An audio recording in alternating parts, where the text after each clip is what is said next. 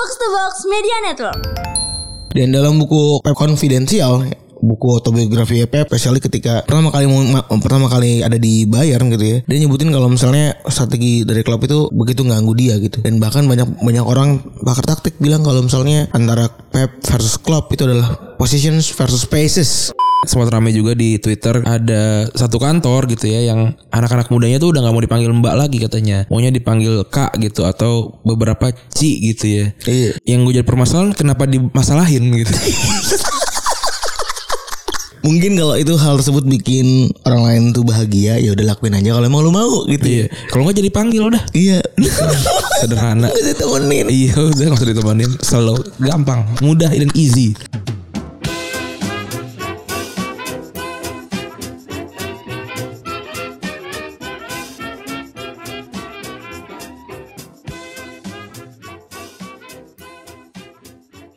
Podcast Retropus episode ke-394 Masih bersama double pivot andalan Anda Gorande dan gue Febri. Selamat hari Senin lagi teman-teman. Selamat hari Senin selamat berpuasa untuk seluruh semua yang Gue beruntun tidak sahur. Gue juga gak sahur sih sebenarnya. Iya. Ya hari pertama debatable sih itu sahur apa enggak sebenarnya? Makanya jam 10 lu ya. Kagak bukan. Eh, apa tuh kalau boleh tahu? Takut ah Takut gak bisa kembalikin ya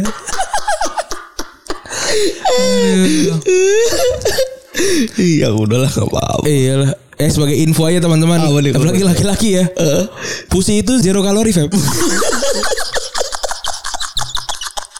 Astaga. Enggak tapi kan singkatan Eh, Apa sih kata tadi? Iya singkat singkat aja Males ya mikirnya. Pagi-pagi lagi puasa terus mikir. Aduh Puasa tuh bikin badan dingin ya Paginya sih iya sih kalau gue gue biasa sih nggak tahu deh kenapa itu kenapa kayak gitu. Gak tahu gue Tapi gue udah, udah biasa aja sih Karena emang sehari cuma makan sekali kan Jadi Iya. slow aja gue Cuma emang ya aus doang Dan gue kan gak ngerokok Jadi Aus sih. aman aja Aus. Iya aus Kalau rokok tuh ininya sama habit. paling jadinya Gue di ruangan berasa terus aja sih Gak, gak ke mana-mana kering kan? Padahal kalau ruang bersih terus. Iya tapi kalau di luar tuh panas males lah gitu. Jadi gue di ruangan ber AC aja dan kayaknya emang kerjanya bakal terus di ruang AC kan. Jadi santai lah. Bulan-bulan puasa menyenangkan sih harusnya. Cuma macet aja nih pasti bakalan kayak anjing nih sore-sorenya nih ya. Sore sih jadi hindari macet sore ya. Iya. Karena itu ritual. Ada ritual tiap sore kan. Betul. Ada pada ngabuburit ya. iya. Gue tadi bilang gue mau bikin petisi lah. Tolong orang-orang yang ikutan buka puasa itu yang berpuasa gitu loh. Iya kan? Biar pas dateng Maksud gue gue Jangan- gue jangan- jangan gue yang pucat sendiri gitu yang seger banget anjing. Sama sebenernya gini sih, maksudnya gue pengen buka puasa, terus restoran udah penuh gitu nggak tau nggak? Sama yang sama yang nggak puasa gitu. Eh sebenarnya nggak apa-apa juga, tapi Betul. maksudnya kalau temanya buka puasa gitu loh. Ntar dulu nih. Iya gitu. Ntar dulu deh. Cuma yang agak salah juga misalkan kita makan eh, buka puasanya di restoran yang boleh semuanya makan kan juga juga nggak bisa gitu ya. Betul. Ya, tapi ya udahlah mau gimana lagi namanya juga sebulan setahun sekali ya. Setahun Iya. cuma 30 hari. Tahun cuma 30 hari semoga gua nggak banyak batalnya lah nih. Setengah setengah bulan berarti kan di luar syuting ya. Nggak apa-apa lah respect lah pokoknya. Semangat untuk para pen- pencari uang ya, para tulang punggung keluarga. Iya. Soal tulang punggung keluarga juga katanya sempat ramai juga di Twitter ada satu kantor gitu ya yang anak-anak mudanya tuh udah nggak mau dipanggil Mbak lagi katanya. Maunya dipanggil Kak gitu atau beberapa Ci gitu ya. Iya. Yang gue jadi permasalahan kenapa dimasalahin gitu.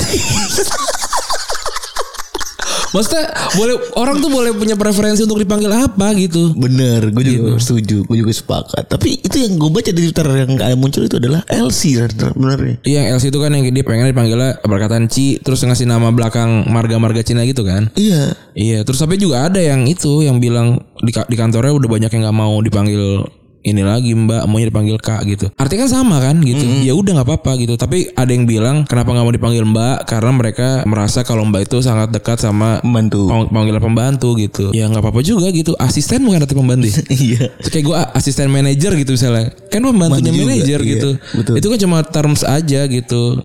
Gue sih nggak baper sama kata soalnya. Lagian orang nanya aja Maksud gue kayak Ini mungkin baru ba- baru juga kali ya nih Kita denger di Mungkin di generasi bawah kita kali ya? Ada kan yang dulu yang yang bahkan di Gojek ada yang nggak mau dipanggil kak gitu kan ada juga kan? Aneh banget Iya maksud gue SOP-nya juga ini kan perubahannya juga ada tadi kita lihat juga ada di ini Tanah Abang gitu misalnya. Yang awalnya orang pedagang-pedagang tuh manggilnya dari dari apa namanya dari ibu, Hmm, terus kakak kakak dan bunda. Iya. Kalau ibu panggil dulu kan panggilnya bunda. Mungkin terlihat terdengarnya lebih muda kan. Iya. itu itu itu kan boleh lah pujian gitu tapi maksudnya kalau misalnya nih gua kerja gitu terus udah udah ketemunya terus tiap hari gitu gua boleh dong milih apa yang gua di, mau dipanggil gitu misalkan mas atau kak atau om gitu misalnya atau atau yang atau bos gitu biasanya kan gitu kan Iya. gitu tapi kalau misalkan Baru kenal. baru kenal terus mau sekali ketemu kayak abang gojek grab gitu ya terserah lah gitu maksudnya dipanggil kak boleh mas boleh mbak juga boleh Orang juga gak kenal gua anjing. Iya, jadi slow aja gitu. Dan nama gua kan, nama depan gua kan cukup gender fluid ya. Jadi ya wajar orang salah gitu manggil mbak atau kak. Gitu. Wallace lah. Gue juga sama, apalagi gue kan. Nama lu kan juga gender fluid kan. Jadi slow. Sering banget mbak. Kecuali kalau gue dipanggil emang kalau dipanggil mbak terus gue jadi mbak mbak gitu misalnya enggak juga gitu. Biasa aja. Banyak hal yang banyak hal yang kalau dipikirin ternyata ah, biasa aja sih. Tapi juga ada yang obses ternyata sama Cokin ya. Iya. Eh, ada yang pengen jadi Cokin wannabe ternyata baru tahu Dipanggil juga. Ci gitu. Panggil ce ce ce ce ce ce Iya, gitu. nggak apa-apa juga. Gak apa tahu gak apa-apa juga lah. Kan ada yang dipang- pengen dipanggil sensei juga boleh. Ada yang dipanggil sabam juga boleh. Ada yang dipanggil ustadz juga boleh. Ustadz kan artinya guru kan? Iya. Iya, bebas. Mungkin kalau itu hal tersebut bikin orang lain tuh bahagia, ya udah lakuin aja kalau emang lu mau gitu. Iya. Kalau nggak jadi panggil udah. Iya. Sederhana. Gak usah temenin. Iya udah nggak usah ditemenin. Slow, gampang, mudah dan easy. Hidup itu sangat mudah. Maksudnya kalau orangnya ribet berarti kan nggak usah ditemenin aja gitu. Iya benar udah gua- gitu aja. Betul udah kalau anjing ribet buat jadi temenin gitu. Dari namanya Anda sudah Iya. ribet. Udah, udah kita judging dari situ aja udah. Iya lagi. Artinya milih makannya ribet, terus juga Manggil aja ribet. manggilnya ribet. Kalau minjem barang pasti dia juga ribet. Ah udah nggak, ya nggak usah. Udah gak usah temenin kalau begitu. Ya itu udah pasti itu udah. Udah kita ketok palu aja dari situ.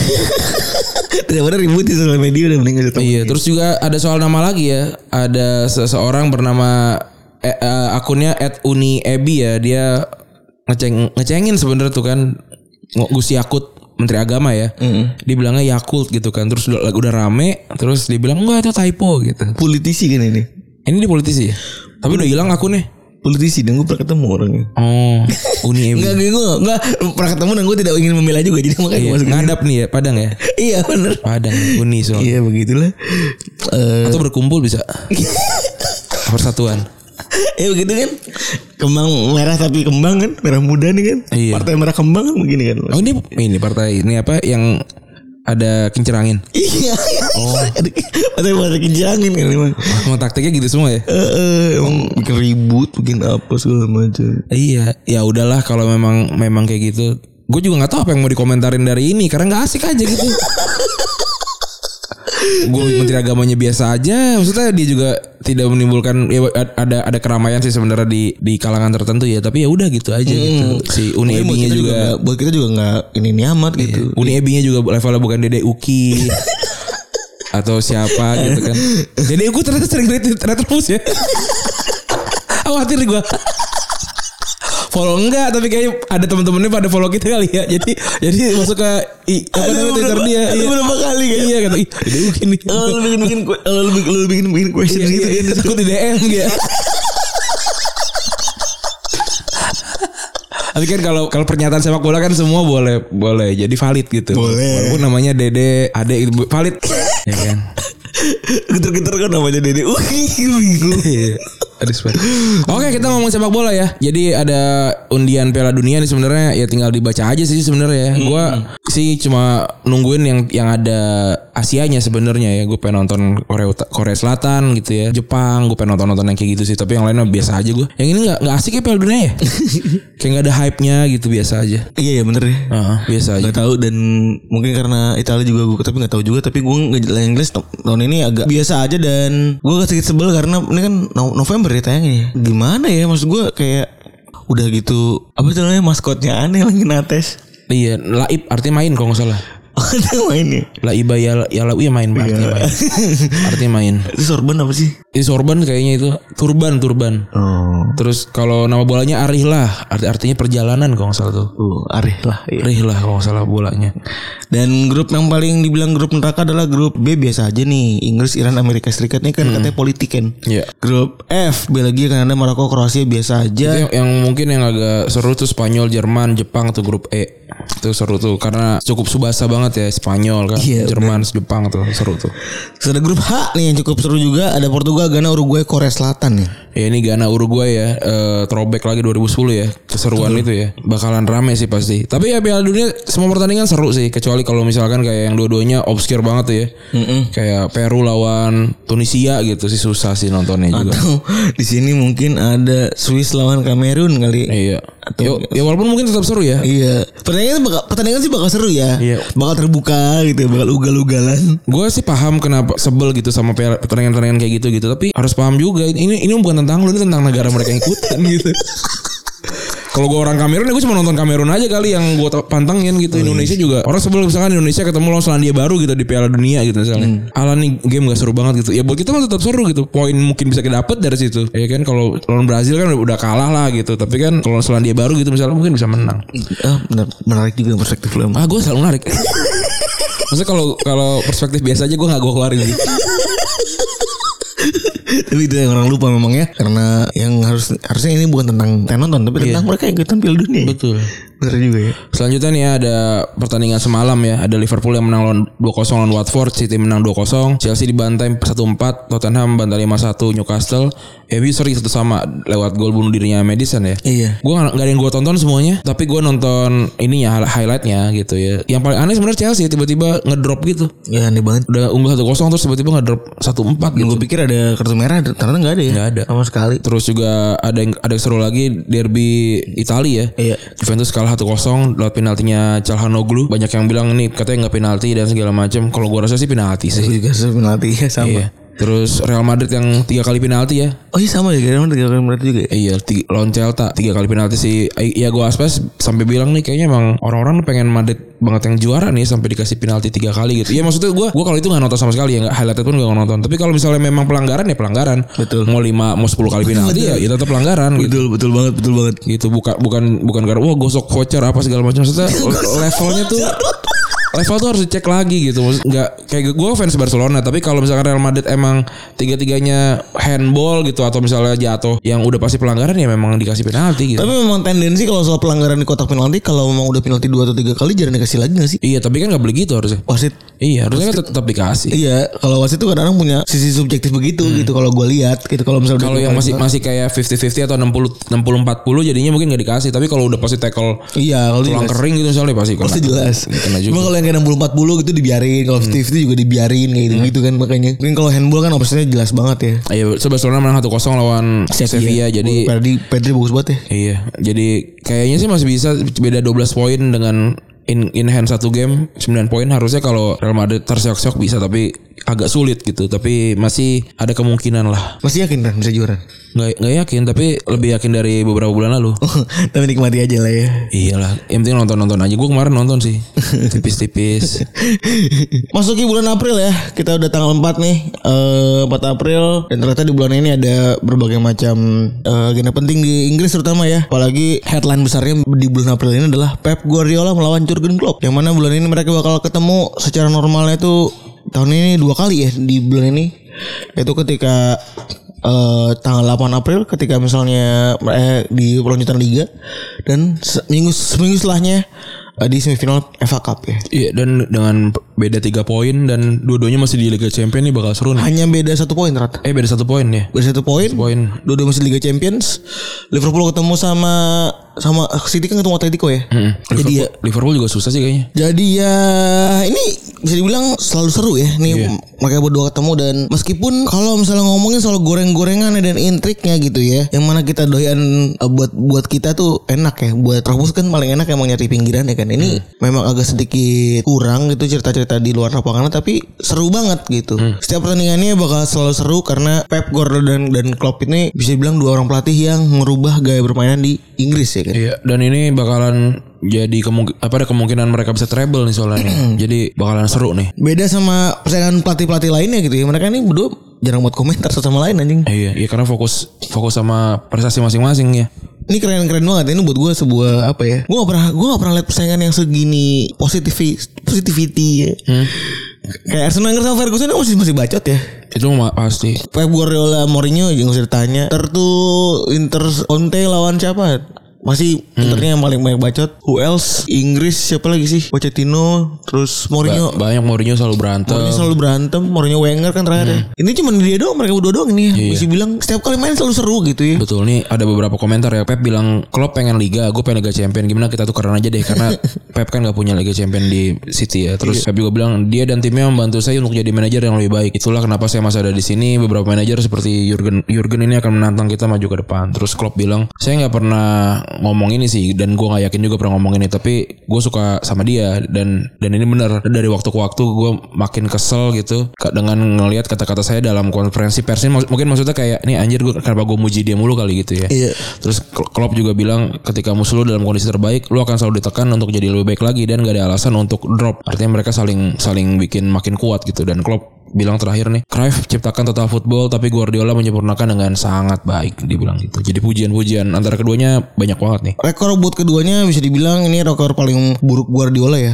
dengan klub eh, dengan pelatih-pelatih lainnya. Dia main 22 kali, seri 4 kali dan klub menang 9 kali, Guardiola menang 9 kali juga. Dan head to head persaingannya dimulai ketika Dortmund melawan Bayern Munchen di Super Cup ya. Karena dulu pas lagi di Barcelona mereka belum pernah ketemu ya Barca lawan Dortmund ya.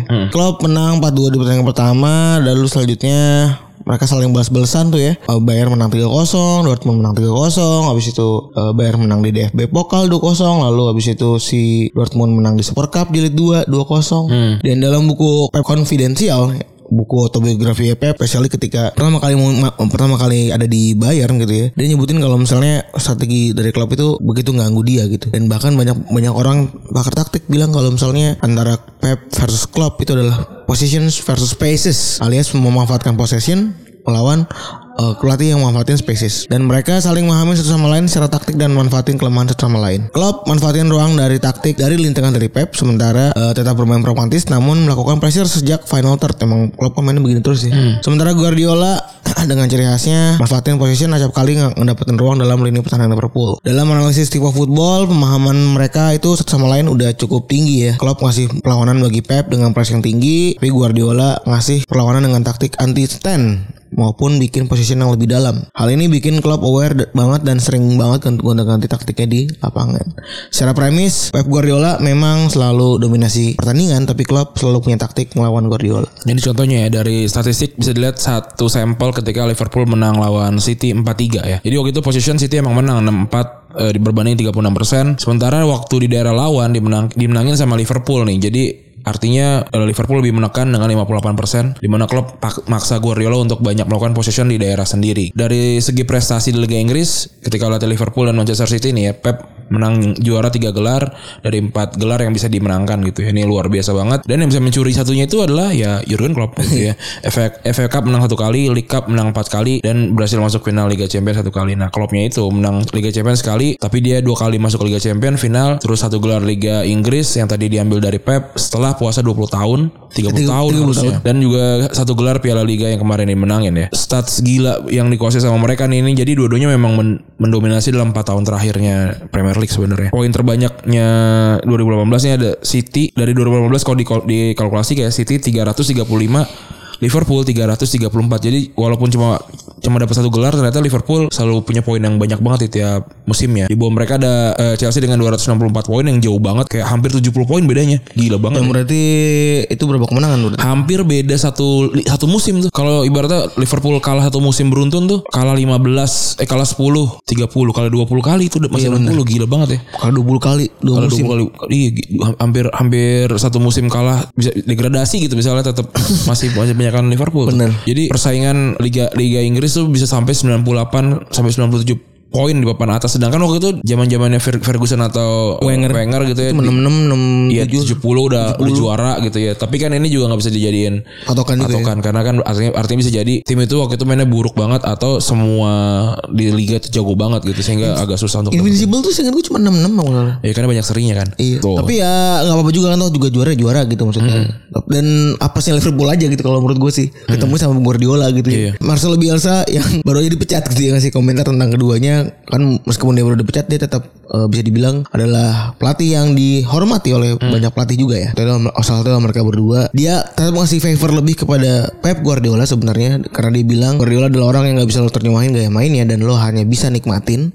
Dan dengan gaya dan kepintarannya gue yakin akan sulit dapetin lo dan em, membuat lo adapt sama gaya intelijensianya gitu. Berbeda sama Klopp, dia memang punya ciri khas sendiri, namun lebih aksesibel isi kepalanya ketimbang Guardiola menurut dia.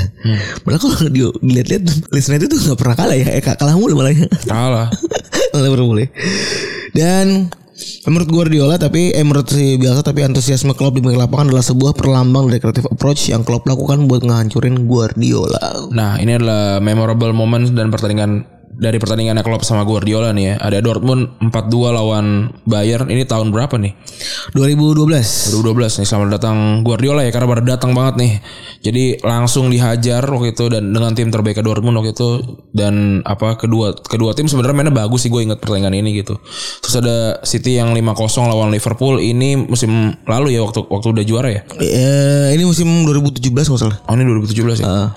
Nih oh ini yang waktu Sadio Mane kartu merah, kartu merah ya. Iya. Jadi eh dari menit 20-an kalau salah 37. udah 37 ya udah ini ya. Udah udah udah udah cuma main 10, 10 orang gitu jadi Dan kalah mana cukup di ini juga ya. Cukup diprotes juga karena kan kupingnya berdarah kan si Ederson tuh itu. Iya, sampai sampai ada jejak pool gitu kan. Terus 2018 Liverpool ngalahin City yang harusnya bisa dapat invincible ya. Ada ya udah kalah dan seperti biasa Arsenal mendapatkan piala. Kan selalu gitu kan. Kan Arsenal selalu gitu kan. Ketika ada yang tim jago kalah tuh kayak, "Woi, kita invincible." sih." Enggak, mereka kan selalu gitu kan Selalu menunggu Tim-tim besar tuh ada yang kalah di musim tersebut gitu Iya. Jadi dia nunggu ba- bar paling kanan kan Jumlah kekalahan kan Iya. Dia nunggu tuh mereka ada Angka satu aja Juara buat mereka tuh Iya udah cukup. soalnya. Mereka menang eh, 4-1 ya. Sampai sam- eh di awal tuh menang 4-1 di pertengahan babak kedua sampai akhirnya jadi 4-3. Gol memorable Gol memorable Yang gol jarak jauh salah itu Terus selanjutnya ada Champions League ya ketemu. Tahun ini setelah ngagalin Invincible tahun tahun yang sama akhirnya mereka juga ngalahin Pep di kandang ya 3-0 terus juga di leg kedua mereka tetap kalah lagi eh, 2-1 ya. City ya? City gitu. Terus di 2019 cukup kontroversial juga ya karena ada gol clearance ya di pinggir lapangan. Eh di, di ujung banget tuh. Ada yang de- debat kalau ini belum gol tapi kalau menurut gue sih emang belum gol karena kan harus semua bola masuk kan. Betul. jadi di pertengahan musim bulan Januari Liverpool lagi gila-gilanya nih sama City. Di peluang di salah satu peluang John Stones itu nahan bola di garis yang cuma 1,12 cm lagi masuk ke gawang. Nah di akhir musim City menang cuma beda satu poin 98 sama 97. Jadi gila banget ya ini gelar Liverpool ketahanannya cuma 1,12 inci doang gila. Kalau kata media-media luar itu mah ya Hmm, gila banget sih. Dan dalam permainan yang mereka bawa ke Inggris Mereka dianggap merevolusi sepak bola Inggris Dengan taktik yang mereka miliki Yang satu punya tingkat perfeksionis yang sangat tinggi Yaitu si Pep Guardiola Yang selalu punya selalu punya passion ya Hmm. Dan mereka menyempurnakan Liga Inggris Bisa dibilang position Yang mana banyak yang bilang position itu basi tapi mereka menyempurnakannya karena mereka mereka bikin position itu bukan berarti bagus namun disempurnakan dan mayoritas klub saat ini memakai pressing tinggi dan posi- position sebagai norma umum gitu ya. Terutama buat tim besar gitu kalau mau menang ya begini gitu. Tanda kutip menghilangkan kick and rush di Inggris karena mereka bisa dikatakan punya antidotnya gitu ya kalau ngelawan tim-tim kick and rush dan yang terakhir itu ningkatin potensi anak muda Inggris di klub masing-masing contohnya ada di ada Phil Foden di di City dan ada Trent Alexander-Arnold di Liverpool ya. Gitu. Ini akan menyenangkan ya di April ini kita bakal nonton mereka selama eh sebanyak dua kali ya. Eh empat kali ya. Dua kali semifinal cuma sekali soalnya. Oke, berarti dua, dua kali beruntun ya. Kalau misalnya mereka lolos ke final Liga Champions mereka bakal ketemu di final. Hmm. Jadi jadi bakal seru banget nih. Oke, gitu ya untuk episode kali ini ya. Makasih teman-teman yang sudah mendengarkan. Gue Rani cabut. Gue Firly cabut. Bye.